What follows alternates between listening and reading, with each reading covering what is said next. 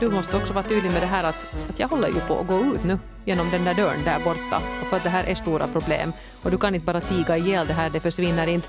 Och hör du nu herre man, det är inte okej att använda en gammal kronisk sjukdom som någon sorts slagträ.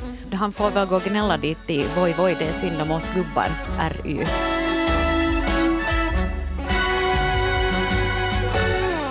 Så här i dessa sommartider så har vi här i relationspodden Norrena och Frans bestämt oss för att ha en sån här lite mera allmän brevlåda. Jag har alltid velat göra lite så här som när man tittar på Bullen när man var liten. Hej Bullen, är jag normal? Ja. Bara att nu får man, det här är en vuxnare version då. Och det är inte den som läser upp brevet som har skrivit det. Där det, alltid, det, det, är inte de som du ser i filmen som har skrivit brevet. Nej, precis. Ja, ja. Så, så är det här också. Det är ja. inte Hanna och jag som ställer alla de här frågorna utan det är annat folk som har skickat in dem. Ja, vi har ju tidigare här efterlyst uh, frågor, dilemman, frågeställningar som ni, ni där ute funderar på. Och idag blir det alltså en ganska sån här salig blandning av lite olika ämnen istället för att köra bara på ett tema som vi brukar. Och här måste vi alltid börja med vår vanliga lilla brasklapp. Vi är inga terapeuter, vi har ingen utbildning utbildning om sånt här utan vi kommer att sitta och diskutera era funderingar som två medmänniskor. Men ibland så kan det redan vara riktigt skönt att höra någon lite komma med sina tankar från ett annat perspektiv. Så det är det vi tänkte försöka förse er med. Mm. Lite dittan och dattan ämnesmässigt så blir det förstås idag. Vi skulle egentligen kunna börja här med ett brev som har kommit in från Kitty54 som har en eh, rolig men samtidigt också lite dålig pojkvän. Kära relationspodden. Jag har en pojkvän som inte är bra för mig. Det här tycks alla mina bekanta vara överens om. Men själv är jag nu inte så säker. Han är ganska bohemisk av sig. Han dricker och röker för mycket och har aldrig lyckats ha en längre relation. Själv är jag frånskild, ordentlig och har vuxna barn. Min nya pojkvän har absolut ingenting gemensamt med min exman som var väldigt pålitlig och stabil. Men det var sen heller ingen speciellt lycklig relation. Min nya vän är snäll och gullig när vi är tillsammans och jag har alltid roligt med honom. Jag har inga planer på att vi skulle gifta oss eller ens flytta ihop. Men har mina vänner rätt när de kraxar som korpar om att det här bara kommer att sluta med katastrof? Jag tycker att de överdriver. Om han var våldsam eller så skulle det ju vara en helt annan sak, men det är han absolut inte. Är jag naiv som njuter av en relation där jag får skratta och vara lite slarvig för omväxlings skull? undrar Kitty. Kära Kitty, tack för ditt brev. Det första som slår mig är ju det här att eh, efter en lång relation så vill du ha någonting helt annat. Mm. Du hade den här stabila, pålitliga exmaken. Det var helt okej, okay, men kanske lite tråkigt. Och nu är det sen igen jätteroligt att du får ha någon som är lite sådär, lite sådär hulivillig.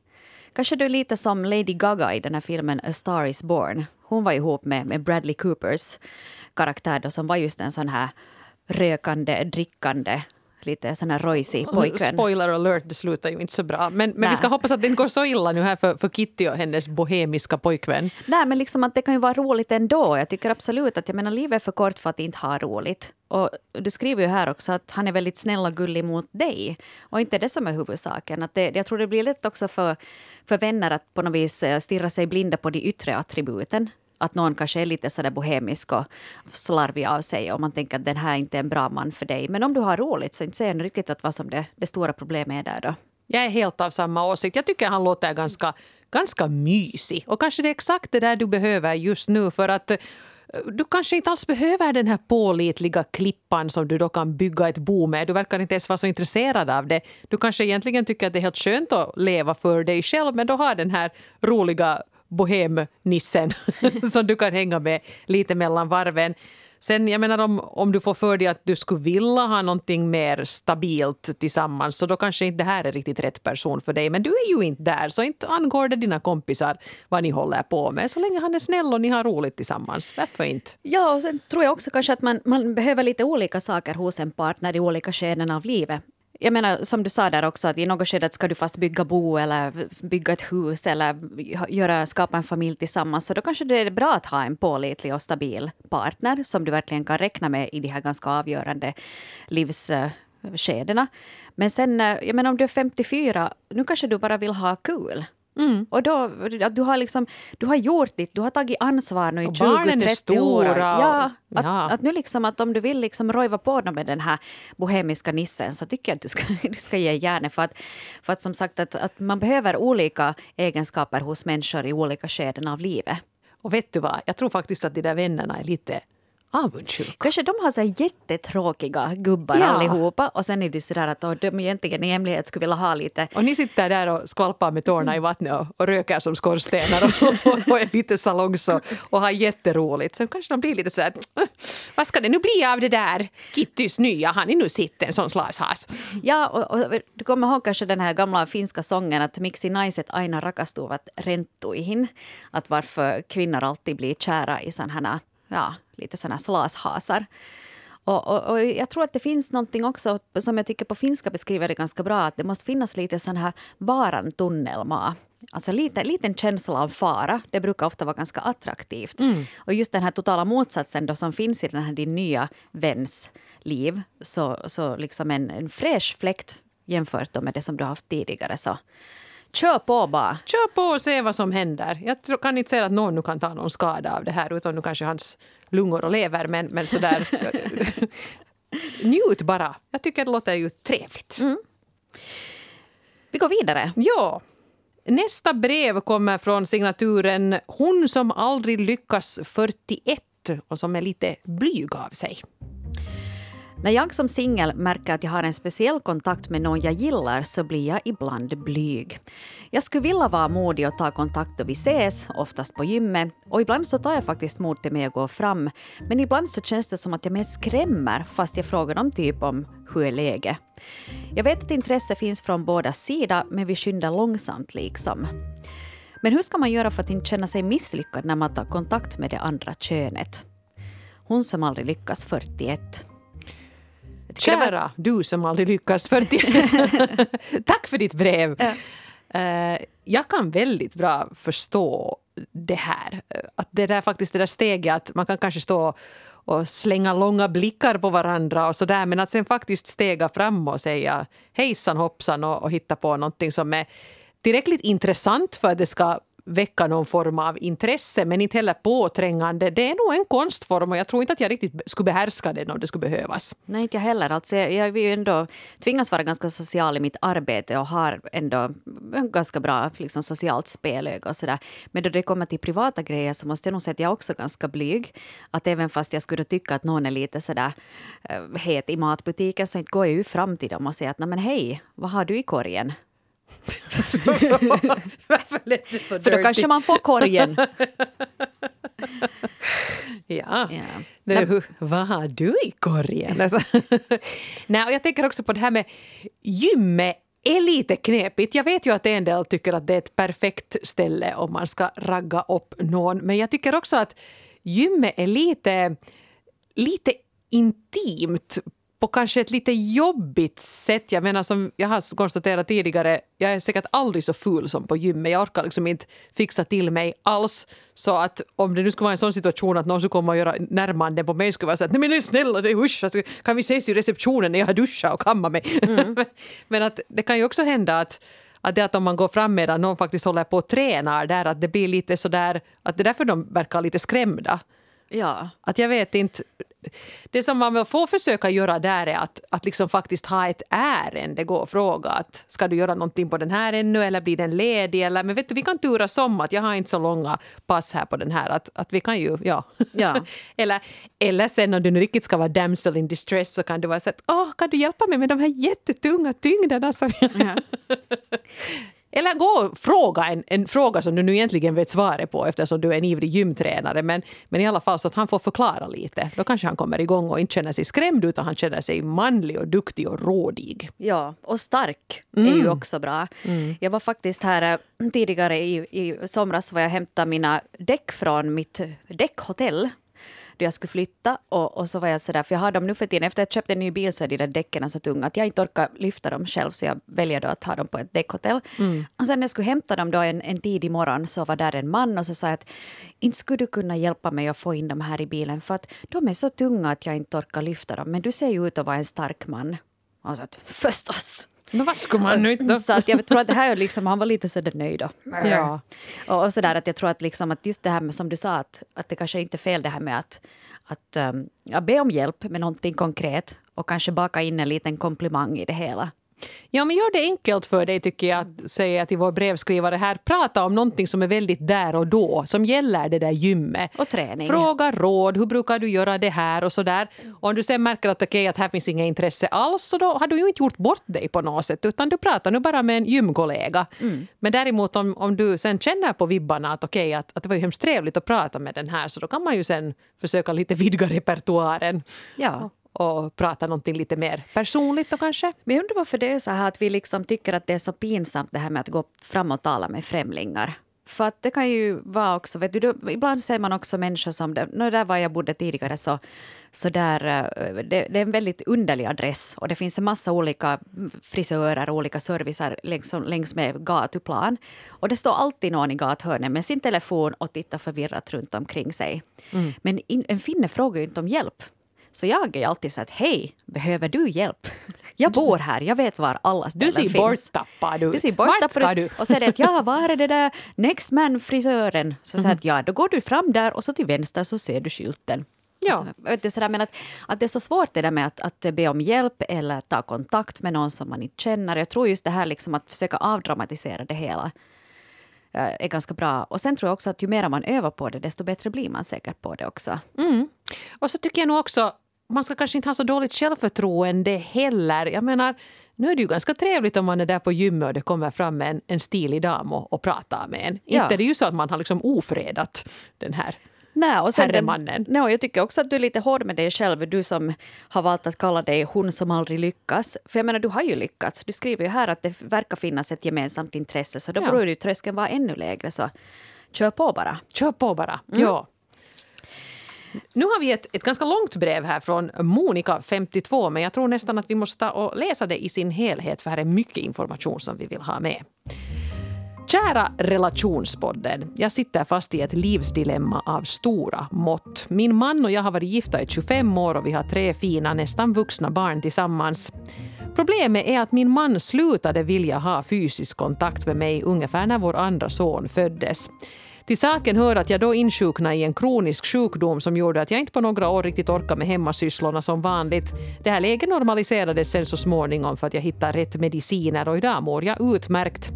Men under de här åren när jag var sjuk tröttnade min man på mig och all fysisk kontakt upphörde. Och då menar jag all fysisk kontakt. Också beröring, till exempel som kramar eller annan ömhet. Jag gjorde många försök till närmanden under åren, för själv började jag snabbt må psykiskt dåligt om jag inte får någon fysisk närhet. När jag någon gång försökt prata med min man hänvisar han alltid till hur jobbigt det var för honom under de där åren när jag var sjuk och att jag därför inte borde kräva mer av honom. Efter tio år av total fysisk ensamhet träffade jag till slut av en slump en annan man som började uppvakta mig så utsvulten som jag var då på uppskattning och ömhet så kan ni säkert gissa hur det gick. Vi har nu haft ett hemligt förhållande i många år. Hur galet det än låter så har jag trots allt med åren börjat längta efter min man igen. Han är trots allt pappa till mina kära barn och på alla övriga plan är vi en lycklig familj som jag älskar. Men fortfarande är det kalla handen så fort jag försöker närma mig och att tala om det här, ja det vägrar han. Han vägrar alltså totalt. Han svarar inte ens på, no han svarar inte ens på mina frågor. Jag antar att den här situationen låter obegriplig, men jag har hållit allt det här inom mig i 15 år och bara det här att jag får skriva av mig känns skönt. Mycket tacksam för att få höra era kloka tankar om det här. Vad tycker ni att jag borde göra för att komma vidare? Kära Monica, tack för ditt brev. Jag tycker att du ska lämna din man. Mm. Jag tycker att det är fullständigt orimligt av honom att på något vis neka dig all typ av omtanke, fast en kram eller en klapp på axeln eller vet ni, en, eh, de här små sakerna som finns i vardagen. Jag tycker att det här är liksom, det, det är utpressning. Eller jag tycker att det, det, liksom, det är absolut inte så här det ska vara och det här verkar inte heller vara någonting som kan gå över eftersom det har hållit på så länge. Vad sa du, tio år? För 15 år sedan blev hon sjuk och sen efter det så har det här då pågått. Ja, inte kan man ju liksom att vadå, att han straffar dig för att du blev sjuk. Inte det är någonting som du har valt att bli. Ibland så blir var det man synd sjuk. om honom för att du var sjuk, men det var ju du som var sjuk. Ja. Inte kan han ju liksom säga att det var så jobbigt för mig så nu måste du respektera det jag tycker faktiskt att han beter sig riktigt illa. Jag tycker det, det som är riktigt illa här är faktiskt det att han vägrar prata. Att du försöker ta upp det här med honom. Han kanske tycker att det är jobbigt och det är förargligt och han kanske inte heller, heller liksom själv riktigt vet varför han inte är intresserad av den här närheten. Men du har ju försökt signalera det här och du behöver närhet. Jag menar herregud, klart man behöver närhet. Jag förstår, jag menar, sex är på något sätt en annan sak. Det har vi varit inne på många gånger här. Att där kan det liksom bli komma och gå i vågor och det faktiskt blir så att den ena inte vill ha sex och tycker att det är obehagligt. Men närhet ska man få i en relation. Man ska kunna kramas och man ska kunna visa ömhet till varandra och man ska lyssna när den andra tar upp ett problem som den vill diskutera. Det är nog minimi för att en relation ska hålla ihop. Helt eh, av samma mening där. Eh, och just som du sa det där Eva också med, med den här närheten, att det handlar ju också om en, en sån här känslomässig och emotionell närhet som ju kommer också via att man visar omtanke är det nu sen att man ger just en, en vet du, klappar någon på axeln i förbifarten eller något sånt, att man visar den där kärleken för den andra personen. Och eh, åtminstone nu, enligt det vad du har skrivit, så tror jag att den där kärleken inte finns i det här förhållandet något mera. Och det kan också hända att din man bara helt enkelt inte vågar ta, göra någonting åt saken eller inte vågar Nej. ta konsekvenserna av det här. Kan det hända att han också har ett hemligt förhållande vid sidan om? Det vet man inte heller. Eller att han har haft det i något skede och har så dåligt samvete så att det är därför han liksom slår spärrarna på sen. Att det har hänt någonting där. Det vet jag inte, vi kan ju inte spekulera om det. Men det som jag tycker är bra här är att du tycker om din man och du säger att han är en utmärkt förälder och att ni kommer bra överens med det där. Det betyder att ni säkert skulle kunna efter en viss tids turbulens så skulle ni säkert kunna få ett jättebra upplägg där ni fortsätter att vara föräldrar till era barn. Fast jag tror inte att ni ska leva tillsammans mera eller att ni ens liksom riktigt ska försöka ta er ditåt. Och för att du ska komma vidare, jag tycker du är nu i en relation där du blir avvisad dagligen och det mår man nog inte bra av i längden. Han hör inte på dig, han kramar inte dig, han ger dig inte det du behöver. Det ska du inte behöva stå ut med. No, vad, är, vad är det som är så bra i den relationen då att du absolut vill tillbaka till det? Ja. Det är det jag inte riktigt förstår. Att gammal vana, det är tryggt, vana. man kommer hem, han är där, det känns bra. Ni, vet, ni känner varandra utan och innan, ni vet vad den andra tycker om för mat. Ni har era inside jokes, ni har säkert mycket som är fint där. Men det här med att han inte hör på dig när du vill ta upp ett problem och att han inte vill vidröra dig, det är så stora problem. Så om han inte nu gör en radikal omvändning så tycker jag du ska gå. Det var mm. krast, men, men du ville veta vad vi tycker. Och jag, jag, liksom, jag ömmar riktigt för dig, Monica, som har skrivit till oss. För jag tycker att han gör någonting väldigt dumt. Och jag, tycker inte att, jag tänker inte klandra dig en sekund för att du har haft en, en fling på sidan om. För att han satt ju dig i den här situationen och, och vägrade arbeta med saken. Och då är det ganska klart att det dyker upp någon som ser det som han inte ser, att du är ljuvlig och någon som vill röra vid dig och så här och att det blir som det blir. Så oavsett vad som nu händer med den här din, din herreman på sidan om så tycker jag nog dessvärre att det verkar som att det här äktenskapet är över. Mm. Ja, dessvärre så. Parterapi skulle förstås säkert kunna vara bra om han skulle vara villig att gå dit. För det kan ju också hända att det här är en så pass, det är en så pass långtgående problematik det här att man skulle behöva kanske en utomstående för att lite reda upp att okej, okay, vad beror det här på egentligen? Men, men som du sa Eva också att om inte, om inte han vill tala och inte vill lyssna så finns det nog inga, ing, inget hopp för er relation. Och jag skulle också vilja ge ett litet, en liten sån här glimt av hopp här också om du tänker tillbaka på uh, brevet som vi hade först som Kitty 54 hade skrivit. Och du är 52. Det kan ju hända att om två år så har du hittat en sån här härlig bohemisk nisse som du har jätteroligt med. Mm. Och så märker du att hej, det var ju det här som skulle hända. Och då måste jag vara lite modig i något skede och, och, och lämna min man för att hitta då någonting som får mig att må bättre. Ja, faktiskt. Men hur du gör nästa grej nu, jag menar, nu måste du tvinga honom att, att tala om det här för att du måste också vara tydlig med det här att, att jag håller ju på att gå ut nu genom den där dörren där borta för att du inte talar med mig om det här och för att det här är stora problem. Och du kan inte bara tiga ihjäl det här, det försvinner inte. Och hör du nu herre man, det är inte okej att använda en gammal kronisk sjukdom som någon sorts slagträ. Att han ska skuldbelägga sin fru för att hon var sjuk och svag en gång i tiden. Och att det är därför han nu kräver respekt för att det var så tärande för honom. Det var nog det dummaste jag har hört i hela mitt liv tror jag. Ja, men alltså, han får väl gå och gnälla dit i Voi Voi, det är synd om oss gubbar. RY. När vi måste hjälpa till med hushållet. Ja. Oh. Oh, Ja, nu har jag hamnat och dammsuga här då i tre kan man år. ju inte kramas 15 år senare när Nej. man har jobbat så hårt. Det, Nej, det, är lite, vet du, det är lite samma som andra vägen också, vet du, som de kan säga att kvinnor som hamnar och gör allt hushållsarbete hemma, så de orkar inte heller ligga sen på kvällen, för de är så sura på sina gubbar sen. Så det här är lite som tvärtom kanske. Ja, Jag vet ja. inte.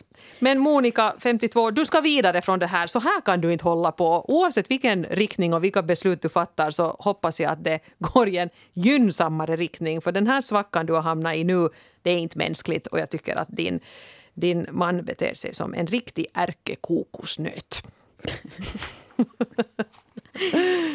Ja.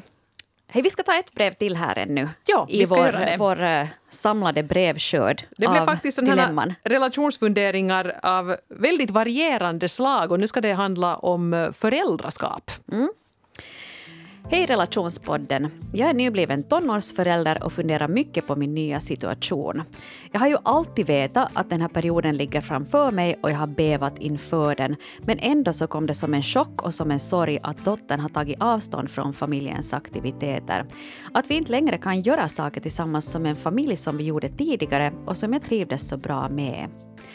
Nu får man förstås hitta på nya aktiviteter, men pandemiåren i kombination med att bo i en småstad så har inte erbjudit många alternativ. Skogspromenader är ju liksom inte så kul för en 13-åring, hur mycket fika man än lockar med. Och det här med att ständigt bli kritiserad. Mamma, varför skrattar du så mycket när du hälsar på folk som du känner? Mamma, varför pratar du i butiken? Kan du inte vara tyst? Låter jättebekant det här. Verkligen. Eh, det gäller ju liksom att stå på sig och vara trygg i vem man är. Och så vill jag ju så gärna hålla en varm och nära relation till mitt barn och att hon ska närma sig mig när hon mår dåligt och att hon pratar med mig. Men plötsligt är det så svårt att vara mamma. Tack för en jätteintressant podd. Jag lyssnar varje vecka och har gjort det från starten. Så skriver tonåringens mamma. Mm. Det var nog Aj, aj, aj. mycket man kunde känna igen här. Vi har ju också tonåringar där hemma, både Hanna och jag. Ja. Och det, det är inte lätt alltså. Inte alltid, nej. Nej, jag tror inte. att, tror att, liksom att det har ett här skifte. Jag har också en 13-årig dotter och, och det har kommit ganska, under det här senaste året så har det börjat hända väldigt mycket. Och, och jag vet, det, det är helt superjobbigt för ibland blir man ju som så arg på dem också. Vet du, att inte, jag skulle inte acceptera det där beteendet av någon, Mm. men man måste göra det för att det är ens barn. Och att man har liksom tagit dem hit i den här världen. Men samtidigt liksom att få att bli behandlad på det där sättet. Så det skulle, det skulle, jag skulle få sparken på, från jobbet om jag skulle bete mig sådär mot mina kollegor. Så är det ju. Och där är ju förstås, det är ju den där tryggheten det är frågan om. Att tonåringen vet ju att till mamma kan man säga vad som helst för hon försvinner inte någonstans. Men det betyder ju inte att mamma ska behöva stå ut med vad som helst. Jag har alltid varit ganska, faktiskt redan när de hade typ tre års trots så har jag försökt vara ganska noga med det här att signalera att jag älskar dig, jag är alltid här för dig, du kan komma till mig med vad som helst men du säger inte så där till mig. Och nu får du be om ursäkt för nu blir jag arg eller nu blir jag ledsen. Och man är väldigt strikt med det där. Så det, det, det har funkat ganska bra med mina barn. Att de kan nog liksom faktiskt sen, äh, be om ursäkt när de vet att de har gått över gränsen. För inte ska man ju behöva, man måste ju få bli arg tillbaka om någon säger fult. Allt annat är omänskligt. Det ska vara läskigt med en mamma som är sådär "Åh." Man skriker av världens könsord till mamma och hon säger bara puss puss. Det är ju inte okej, det ska vara sca- scary. Ja, och mamma, mammor är ju ingen teflonpanna heller och inte pappor heller. Och jag tycker att det är jättebra det där med att sätta gränser också för en tonåring. Jag tror nog att de också behöver det där med hur man, vad, vad är okej att säga och vad kan man inte säga. Sen vet jag nog också med mig själv att, att eh, jag har en ganska lång stubin, men då den far så kan jag ju nog också skrika åt mina barn och vet du, svära ohämmat. Vet du, då det, då det bara liksom snappar i mig. Och därför behöver jag kanske också ha en förståelse för att mina barn ibland får ett sånt här vredesutbrott och då kanske säga saker som inte var jättegenomtänkta.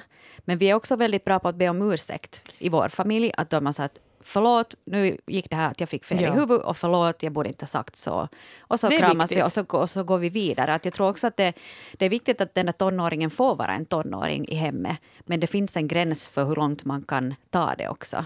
Sen det här med att man pratar för högt i matbutiken och sånt här. Jag menar, oavsett vad man gör så tycker ju tonåringen att man är pinsam. Man kan sitta i, i en soffa med Ja. och titta på TV och de är så att åh, måste du vara sån där? så där tror jag nog helt enkelt man får lite släppa det och vara sådär att ja, faktiskt försöka ta det med humor. Att ja, vet du, så här högt pratar jag i butiken. Ja. jag är nog patent jag. Ja. och, och inte bli ledsen, för, för det är ju så där som de resonerar. Kommentarer. Och det betyder, man ska inte ta det personligt, man måste bara pff, låta det gå. Ja, det kan vara samma också det där med, med till exempel att um, när vi är så att vi kramas väldigt mycket, jag och mina barn. Och sen kan det vara någon gång vet du, i butik eller vi är ute och går någonstans och så där och så tar jag så spontant tag om hennes axlar och säger att åh, jag älskar dig, att du är nog världens härligaste flicka. Och så hon så där, så går hon två meter bort och hon säger rör inte mig. Är du sjuk i huvudet? Släpp mig! Just det, för att hon ser på 200 meters håll så finns det några tonåringar att ingen får se att mamma har kramat mig. Nej, exakt. Sen i hissen där ingen ser, där kan vi krama, Krama så mycket sig. som helst. Ja, det, det är nog outgrundliga äro tonåringens vägnar, vägar. Det, det kan vara det som har varit neutralt i 14 år är plötsligt otroligt pinsamt. Ja. Men det är nu kanske bara så. Men sen det som, som jag har märkt att åtminstone med mina barn är ganska uppskattat. Jag menar, jag, som du skriver här nu, tonåringens mamma, att det kanske har varit alltid lite er grej att gå och plocka blåbär eller, eller vad ni har tyckt att det är kul och mitt i allt lockar det där sen inte alls. Men jag tycker man måste kanske där försöka omvärdera sin relation med den där tonåringen lite an efter och kanske lite mer försöka haka på sånt som tonåringen tycker är superintressant. Att man inte försöker hålla fast vid det här som man har gjort tidigare och som man själv tycker om. Och där kan man också, man är ju ändå förälder och det här är ju ändå ett barn så man får ju bestämma över dem. Så fast jag säger men jag vill inte komma med, jag vill fara till någon kompis så säger man att nej, mamma har nu bestämt att den här eftermiddagen så gör vi det här. Och sen må det vara vad tusan som helst men man kan ju lite liksom muta in sig där också. Att tycker nu den här tonåringen att just den här snabbmatskedjan är det coolaste någonsin, men då går man dit och äter. Gör saker på tu man hand och jag har ju till och med rest med mina barn så där ett i taget när eh, min äldsta fyllde, hon var bara tio då, men då var vi ju på en sån här tumisresa till Paris till exempel. Då kunde man ännu resa och sådär. Och, och man behöver ju inte fara till Paris, men bara det där att vi försvann från hemmet på tu hand. Herrejes vad vi hann prata mycket och vad jag fick koll på hennes liv och inblick i allt vad hon gick omkring och funderade på. Att umgås liksom på tu hand och bara hänga. Och det var nog kanske lite en sån här, också med mina tonåringar, att det kan vara en sån här liten, ganska länge sitter kanske båda tysta och tittar på sina telefoner, men sen i något skede börjar det där pratet komma.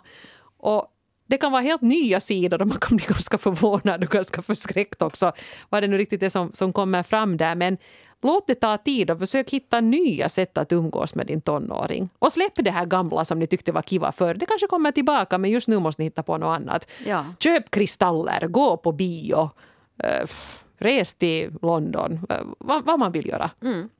Ja, och sen tror jag också det där att man äh, inte gör den där liksom, tumistiden så högtidlig heller. Att Nej, nu ska vi prata och gå igenom allting. Utan att det kan vara just det där att nå, till exempel både jag och min dotter tycker om att fast gå och titta i butiker.